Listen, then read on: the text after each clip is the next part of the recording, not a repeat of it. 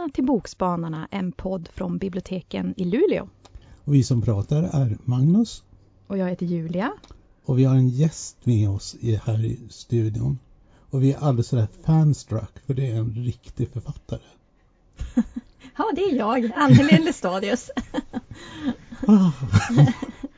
Välkommen, vad roligt att du är här. Ja, men tack så mycket, jättekul att få vara här. Och i och med att det är en sån där boktipsarpodd så hade vi kanske tänkt prata lite om hur man skriver. Nej, jag läste din eh, 10 över 1 så det är ju egentligen en sån där instruktionsbok i hur man blir författare tycker jag. Mm.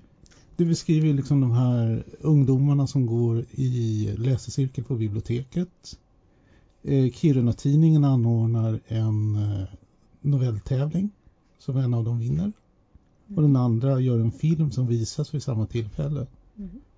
Och även du skriver om hur hyllan på bokhandeln, lokala bokhandeln med lokalförfattare, hur det liksom influerar de här barnen. Ja, jätteviktigt.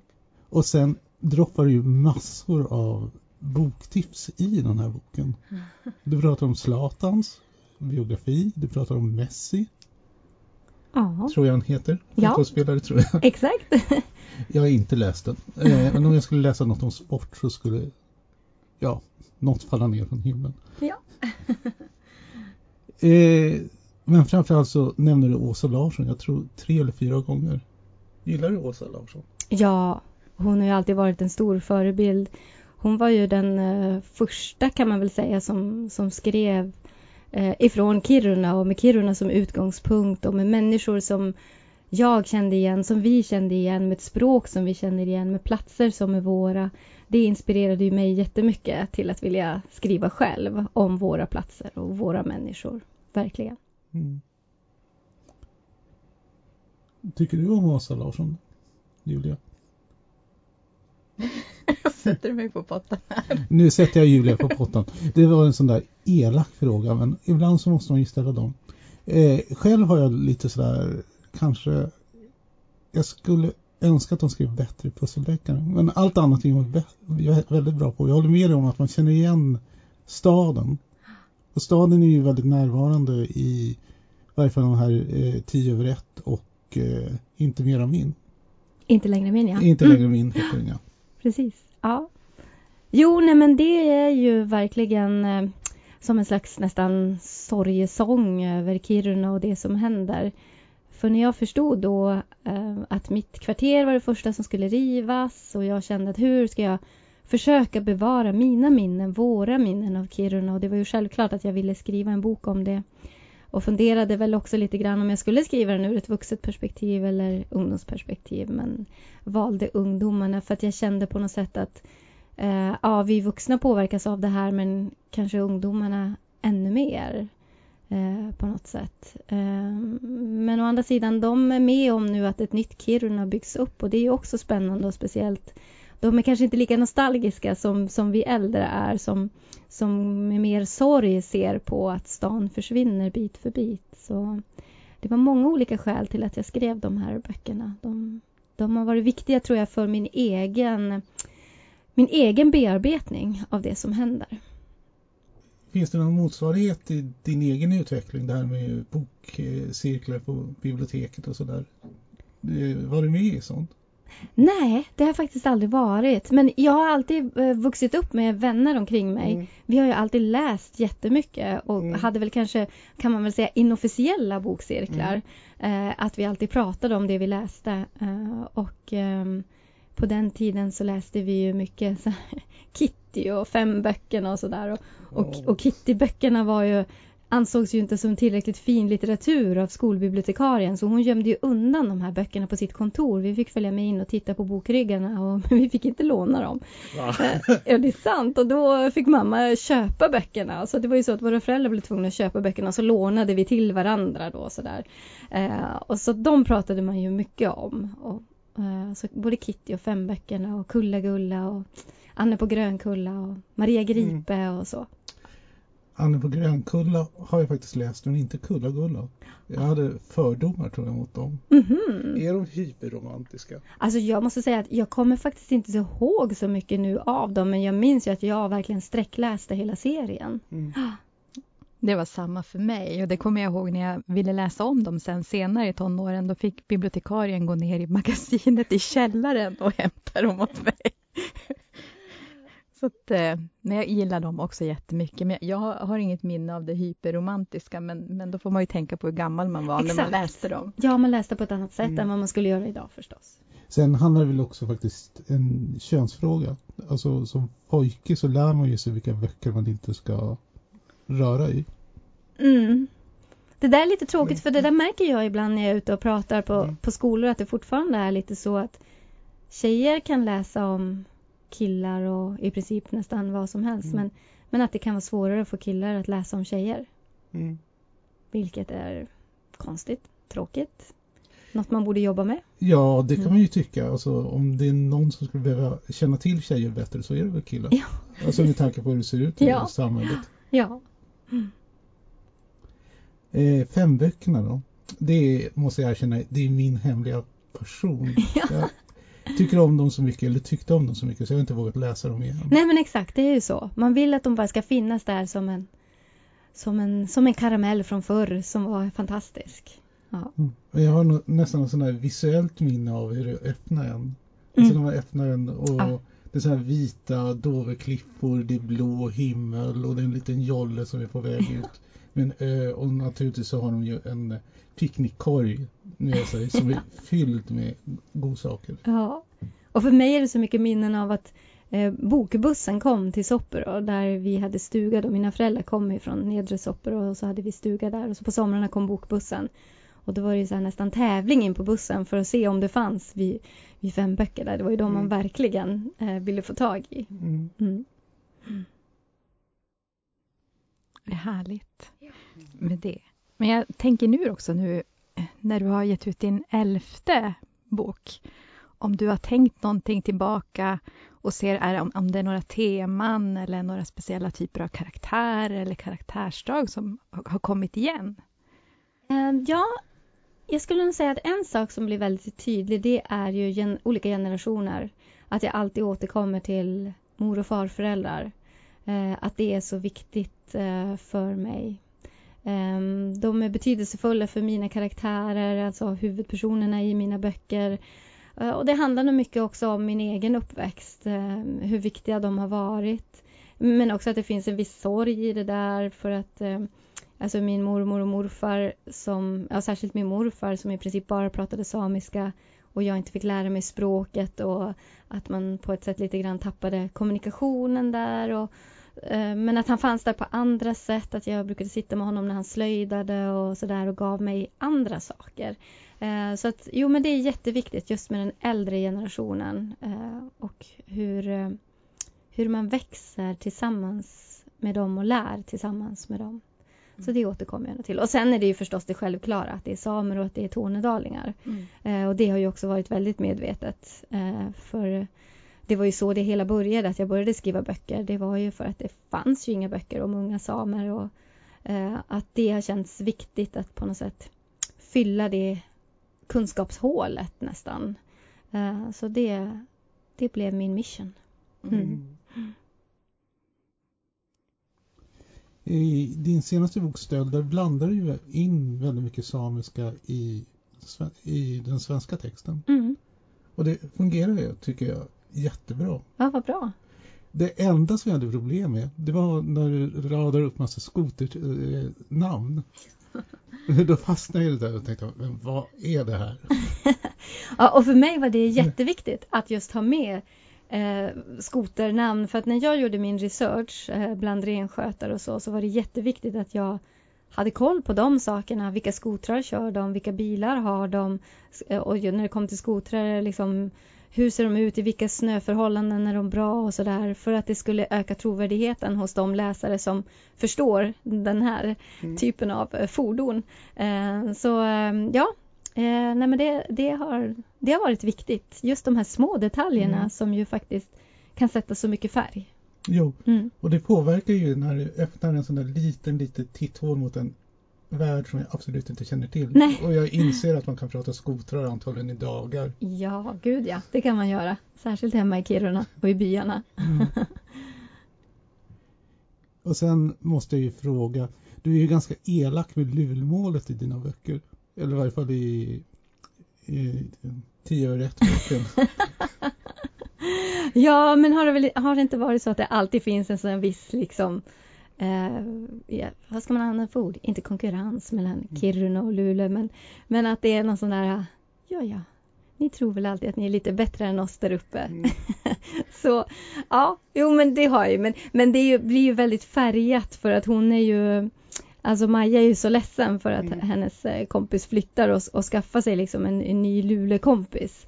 Eh, så det gör ju att hon blir ja, men, rätt ledsen och arg och, och det kommer väl ut då som en viss, eh, viss eh, ja, att hon kanske inte alltid är sådär förtjust i Lulebo. Nej, jag måste erkänna, trots att jag är Lulebo då. Jag är inte riktigt Lulebo så jag kanske är lite illojal sådär. Eh, jag måste erkänna att det är en av de roligare scenerna i boken. Alltså när de ligger på eh, poolkanten och tråkar Julia. Därför att hon efter några månader i Luleå enbart pratar Ja. Luleåmål. Jag tycker hon förtjänar det. Ja, vad bra. Då så, då behöver jag inte försvara min, min text. Nej, absolut inte. Nej. Absolut. Eh, Jag har också läst, läst in, jag vet inte om man ska säga, kan man kalla det en essä? eh, Som du skrev inifrån Sápmi, vittnesmål från Sturetland. Och jag Mm. tyckte det var ehm, väldigt bra det här med ehm, just att du, att du fick fun, fundera igenom kanske att, att du hade både tornedalskt och samiskt och hur att, att du funderade kring det och frågade din pappa också hur han såg sig själv. Att Ja. Jag tyckte väldigt ehm, eh, någonting som kanske inte man funderar själv, alltså som jag, jag, jag har aldrig funderat själv på, på kanske hur mina föräldrar ser sig själva och. Och, och sen hur det har påverkat mig. Jag tyckte det var väldigt, Exakt.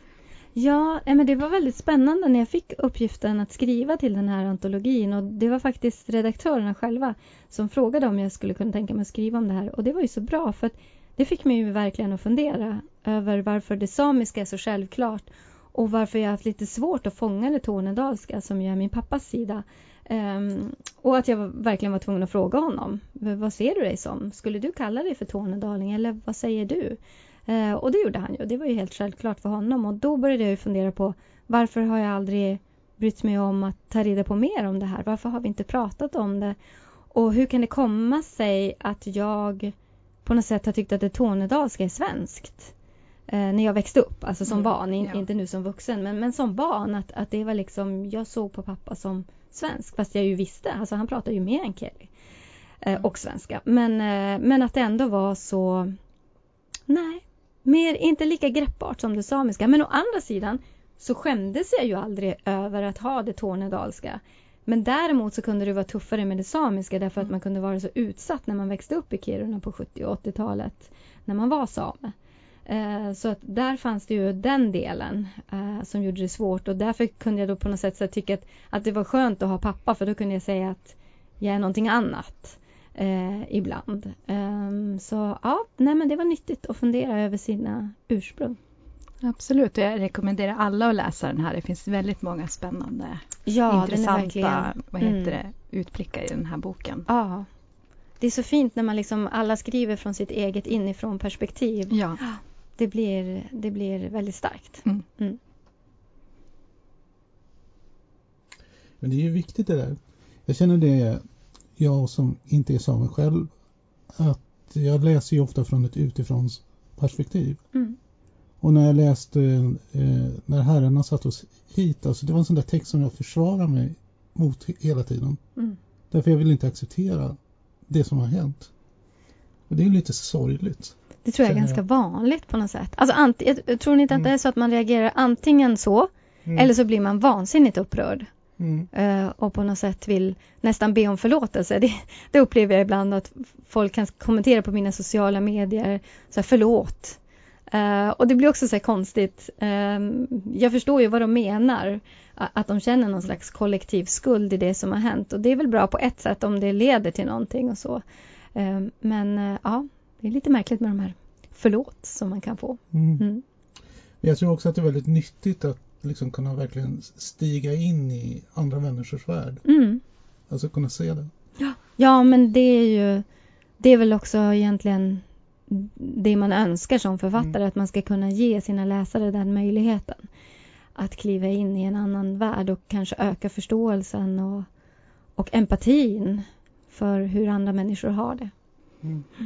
Absolut, och att litteratur kanske kan komma förbi barriärer som kanske annars byggs upp när man får läsa om en liksom i romanform mm. eller i noveller eller något annat. Att, man, att det kan komma närmare på något sätt kanske. Ja. Eh, än, än när man får höra, se en dokumentär eller någonting, jag vet mm. inte. Ja, men jag tror det. Alltså, och läsning, särskilt om det är liksom någon annan som har läst samma bok, att man kan reflektera tillsammans och prata om det och sådär. Ja, nej, jag tror att litteraturen är jätteviktig, verkligen, mm. för att öppna upp samtal. Och, och så har jag ju tänkt mycket med stöld också, att det handlar ju väldigt mycket om tystnad där. Um, ja, men Elsa, det är ingen som riktigt vill berätta till henne vad som händer och Mattias, hennes storebror som, som plågas och egentligen mår jättedåligt men inte vill prata med någon om det och så. Och att de här tystnaderna är ganska farliga. Uh, och då tänker jag att litteratur är ett sätt att öppna upp samtal kanske. Mm.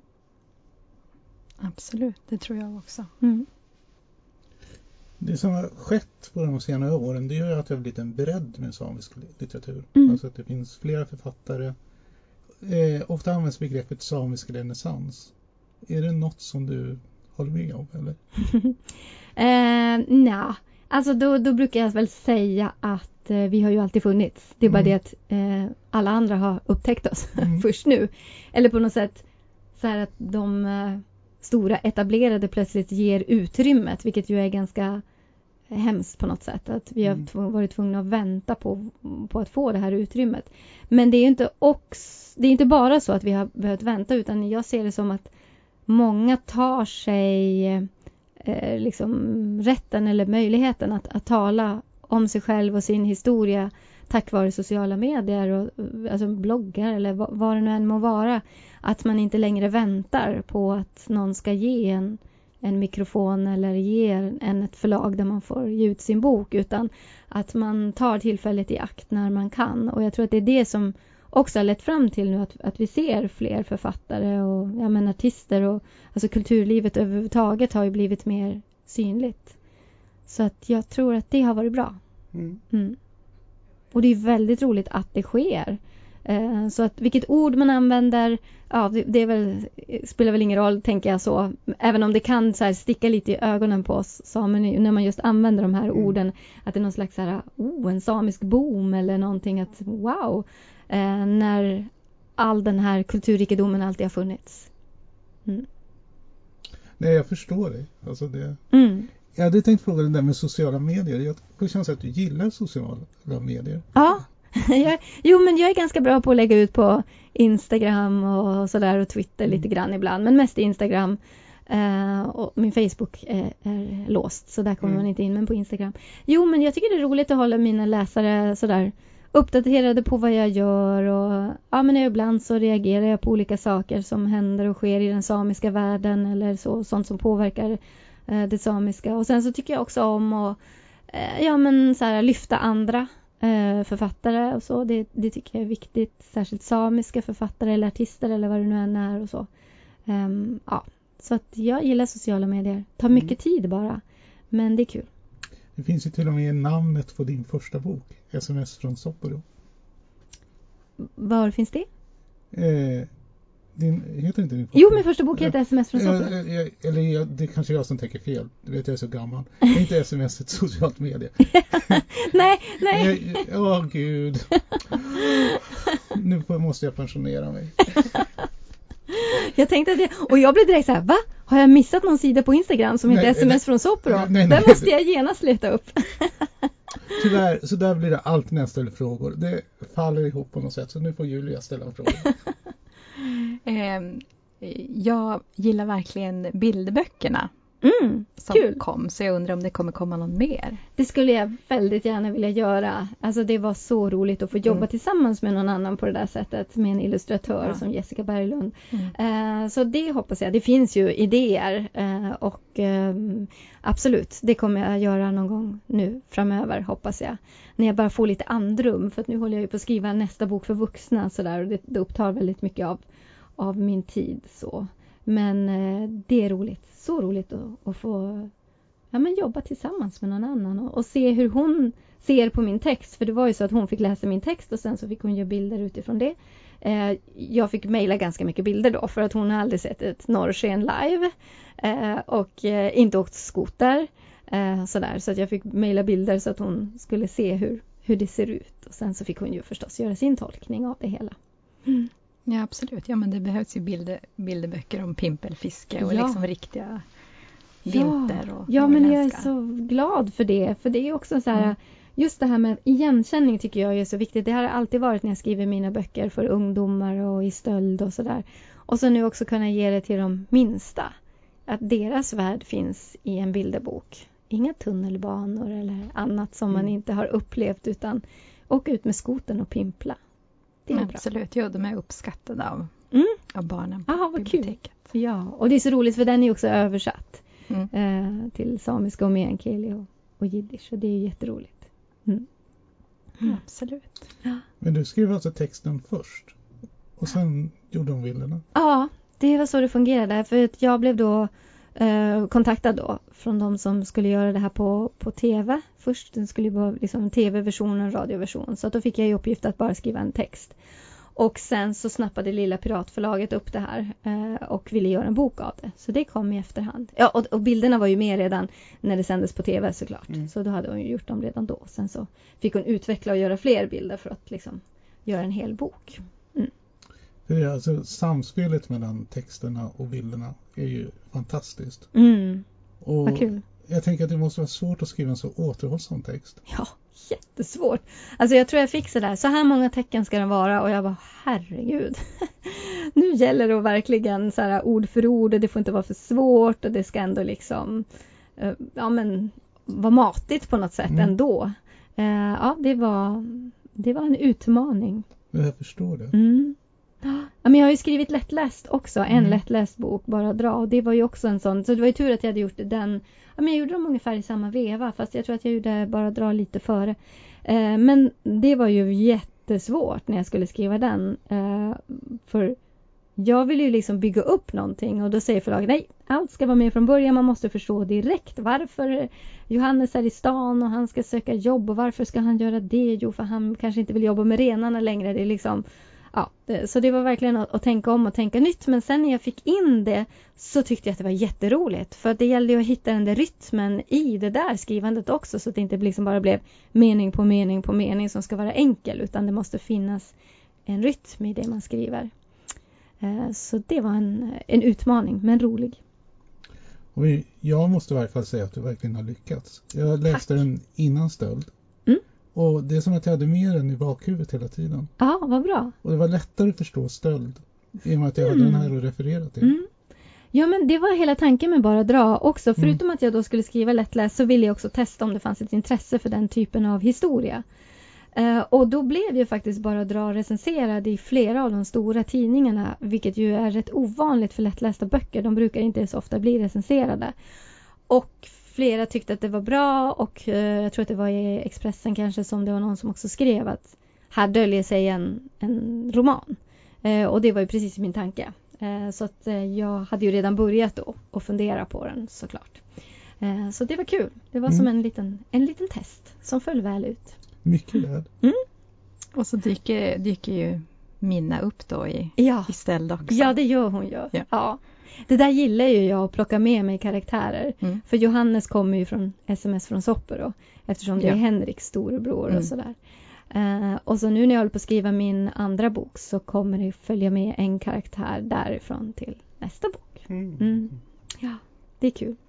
Jo, men det, det är ju kul då för de som har läst Ja. många böckerna att det blir som en extra blinkning också. Ja, Och man, får, man har en, en, en aning om kanske en bakhistoria som kanske inte liksom uttalas exakt. helt i den nya boken. Ja, det tycker jag är jätteroligt faktiskt. Jag tycker det stämmer lite när man träffar folk från Tornedalen. Alltså jag har arbetat inom äldreomsorgen och där av någon anledning är det många från Tornedalen som gör, gör det. Mm. Och även om de inte känner varandra så känner de någon som känner Ja. någon och så efter ett tag så har de liksom någon sån där släktre. De kan upptäcka att de är kus- kusin, kusins kusin. Ja. Jo men det är ju jättevanligt. Eh, och det är också något som jag försöker få fram i, i böckerna också, just det här med Mm. släktens eh, hur viktigt det är att, att eh, veta vem man är släkt med men också ja, Mm. men så här, bybor, vem som har känt vem och vem som har gjort vad på skolgården för 35 år sedan och sådär. Att man, man har lite koll på varandra. På gott och ont. Jag är mycket fascinerad. Eh, jag har ju växt upp i sån där nybyggt villaområde och där alla liksom kom någon annanstans ifrån. Mm. Och inget var äldre än fem år kanske. Ah, Så bara det att liksom folk känner varandra under en längre tid. Ja men det är en sån trygghet att växa upp Mm. så tycker jag. Alltså där man, det, det finns ett socialt nät omkring en Mm. som är väldigt eh, tryggt och bra. Och det är ju det som är liksom den, den stora tryggheten med att vara same och tornedaling skulle jag säga. Det är just att man har de här stora släkterna som liksom finns runt om en, bakom en, bredvid en eh, på ett väldigt bra sätt. Det, det är min min kraft sådär skulle jag säga. Så, alltså, när jag skriver mina böcker så måste jag alltid hem eh, för att hämta den kraften och energin från människorna och från platserna. Eh, och släkten är verkligen superviktig. Eh, och du pratade tidigare om att du tycker om att lyfta andra författare. Så Ja. jag hade tänkt, ska du göra det nu? Ja, men det kan jag gärna Ja. göra. Då skulle jag vilja prata om eh, Ella Maria Notti och hennes eh, bok. Hon är en debutant. Hennes bok Kaffe med mjölk. Har ni läst den? Nej, faktiskt inte. Nej. Jag står i reservationskö på det. ja. Du vet alltid vad man ska läsa. Ja, men den är ju fantastiskt fin. En eh, liten bok med en stor historia, med en stor berättare. eh, som handlar om en eh, mamma som har en cancerdiagnos och hennes eh, dotter har flyttat till eh, Stockholm och liksom på något sätt blivit en del av Stockholm nu. Fladdrar omkring där i sin kappa och lever ett helt annat liv. Och, och deras svårigheter att mötas och den här mamman med sin diagnos så ska hon klara av att berätta det här för sin dotter. Eh, och det som är så fint eh, ur ett, alltså historien är, är fantastisk och väldigt gripande. Men det som jag verkligen också tycker om det är ju att de är samer. Men eh, Ella Maria gör ingen stor grej av det. Det är liksom inte så att, ja men som det blir ja, men i mina böcker också, där det är väldigt viktigt för mig att berätta om det samiska ur olika perspektiv. I den här boken blir det samiska bara naturligt. Det behöver inte vara någon grej och, och det har jag hela tiden sagt att jag ser fram emot när de här böckerna börjar komma. Där det samiska liksom inte behöver förklaras eller uttalas utan det bara är där och det är naturligt. Så ja, men det är en bok jag verkligen, verkligen kan rekommendera. Eh, den är fin på många sätt. Ja, Mm. tack för det boktipset och tack för det här samtalet. Men tusen tack, så roligt. Tack själv. Ja. Får vi säga hej då till de som Hej. lyssnar så syns vi igen en annan gång. Eller hörs. Hörs kanske. Hej då! Hej då.